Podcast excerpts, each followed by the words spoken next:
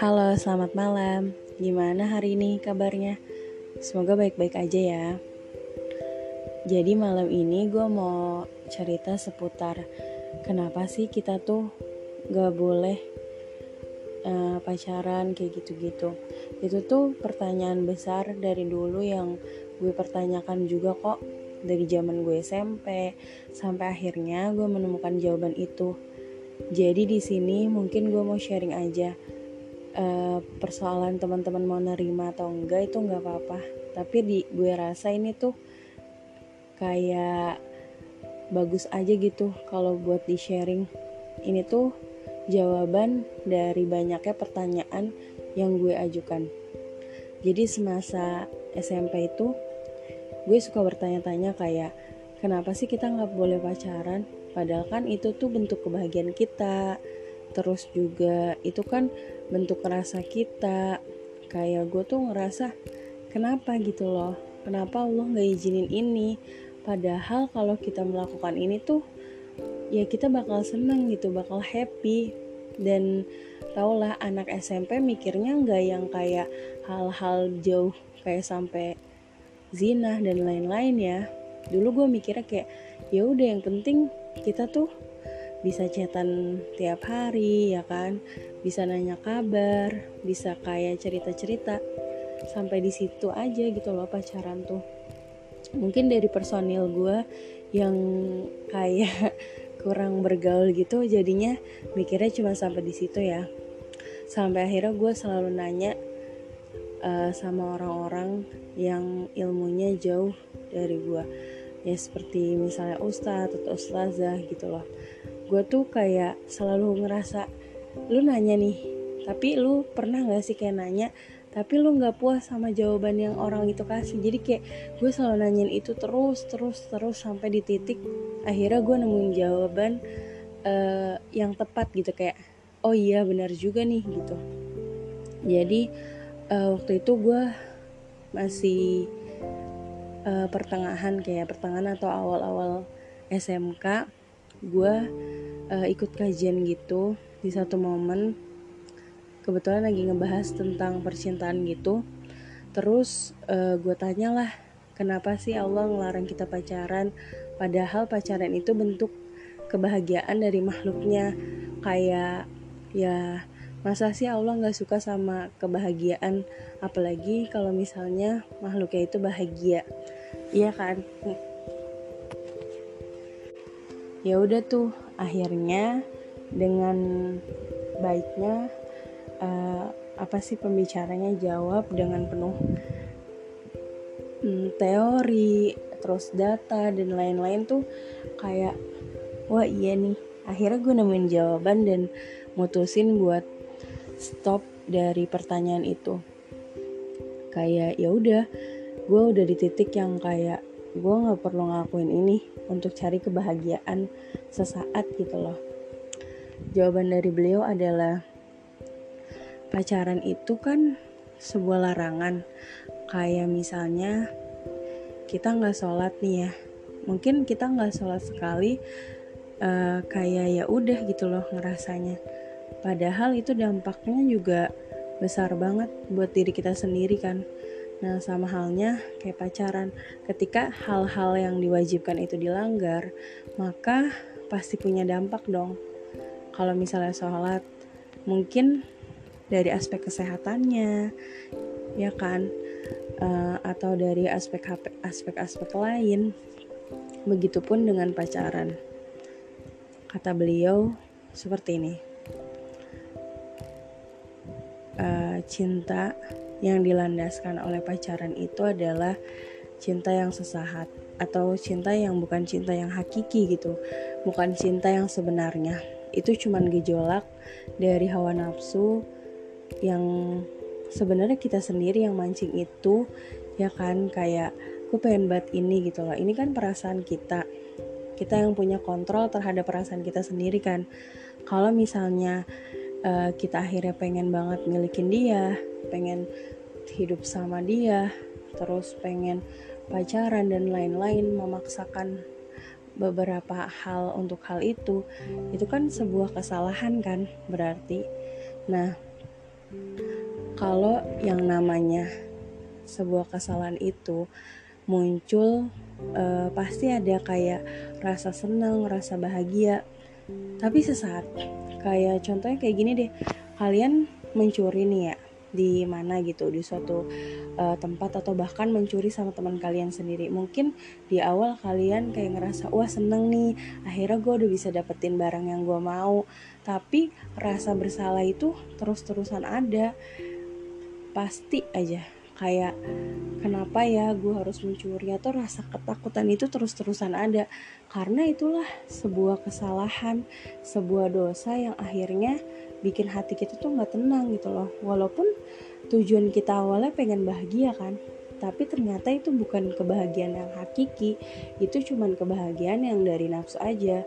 Terus uh, sampai situ pembicaranya bilang lagi kalau misalnya kita itu sebagai wanita itu dilihat dari masa lalunya gimana kita uh, menjaga mahkota kita kehormatan kita uh, tubuh kita diri kita perbuatan kita di masa lalu. Karena uh, sesuai janji Allah juga kalau misalnya laki-laki yang baik untuk perempuan-perempuan baik laki-laki yang keji untuk perempuan-perempuan keji. Jadi Allah tuh udah uh, ngasih keterangan nih kalau misalnya kalau kita mau baik ya kitanya juga harus baik. Tapi kalau kita uh, buruk ya mau nggak mau atau kemungkinan besar kita dapat yang buruk gitu loh. Itu udah janji Allah ya. Kalau misalnya memang ada yang namanya cobaan akhirnya kita dipertemukan dengan orang yang uh, kurang baik gitu kitanya baik mungkin itu uh, cara Allah biar kita ngebantu dia untuk jadi baik. Sebaliknya pun kayak gitu gitu. Kalau misalnya posisinya kita udah jadi baik. Nah uh, nah di situ gue mikir kayak oh iya ya kayak nanti kalau misalnya gue ditanya sama suami gue misalnya e, kamu udah nggak uh, perawan gitu loh. Terus kayak dia uh, gue bilang iya gitu loh. Gimana hancurnya dia yang tadinya udah ngejaga diri dia ngejaga uh, perasaan dia ngejaga semua itu dan ketemu sama orang yang dicintai tapi udah rusak gitu loh. Udah udah nggak bisa ngejaga kehormatan dia gitu. Kemungkinan besar dia akan mundur. Dia akan mundur untuk mencari yang lebih baik lagi kemungkinan-kemungkinan itu pasti ada dan nggak mungkin juga kita uh, dalam proses untuk nikah terus kita ditanya kita ngebohong gitu loh. Kalau misalnya kita nggak ditanya ya kita nggak nggak ngasih tahu sih ya bagus. Tapi kan kalau misalnya ditanya dan akhirnya ternyata kita udah eh, nggak uh, perawan gitu kan ketahuan gitu loh. Makanya di sini posisinya uh, jadi berat banget kan nah kalau misalnya laki-laki itu di, dilihatnya dari masa depannya gimana dia tanggung jawabnya karirnya terus gimana dia memperlakukan orang tuanya uh, dan akhirnya gimana dia memperlakukan kita nantinya. Itu laki-laki dilihat dari masa depannya. Dan kalau perempuan itu kan dilihat dari masa lalunya. Kayak oh nih uh, wanita udah pernah ngapain aja. Karena memang mau atau enggak kita tuh punya bekasnya teman-teman. Kayak ya walaupun kita bohong nih ya tapi kemungkinan-kemungkinan orang itu tahu itu pasti banget gitu loh. Karena uh, kenapa sih Allah tuh kayak nunjukin kalau misalnya kita tuh uh, ada tanda-tandanya udah nggak perawan gitu yaitu yaitu cara Allah gimana caranya biar kita bisa ngejaga mahkota kita gitu loh. Buat ngetahuin kalau misalnya perbuatan yang udah kita lakukan itu memang uh, ada sekuensinya gitu loh. Jadinya kenapa bisa sampai ketahuan gak kayak laki-laki? Yang tadi dibilang kalau misalnya laki-laki tuh dilihat dari masa depannya kalau perempuan masa lalunya ya kan gitu. Jadi menurut gue sampai akhirnya gue yang ada di titik ya udah gue nggak nanya lagi soal itu.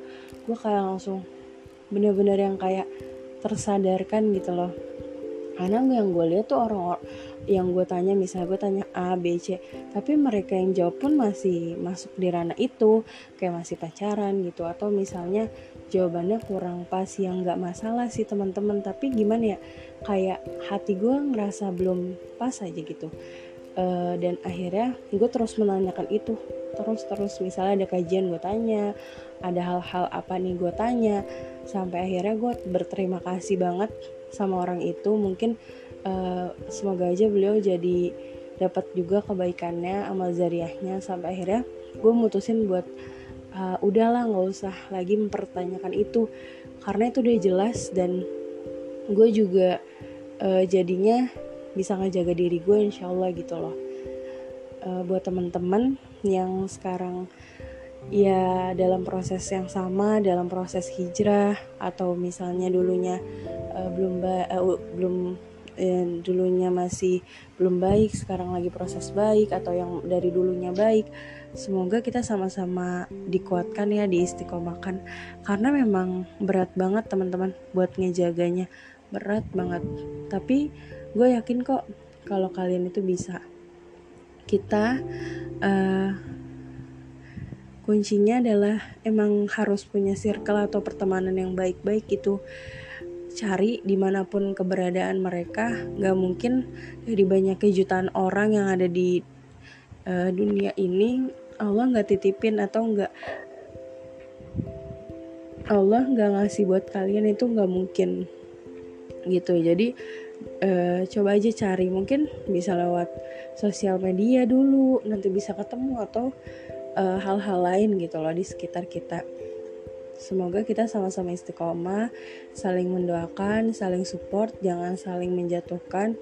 Nggak e, apa-apa dulunya kita belum baik, tapi sekarang kita berusaha untuk jadi yang terbaik.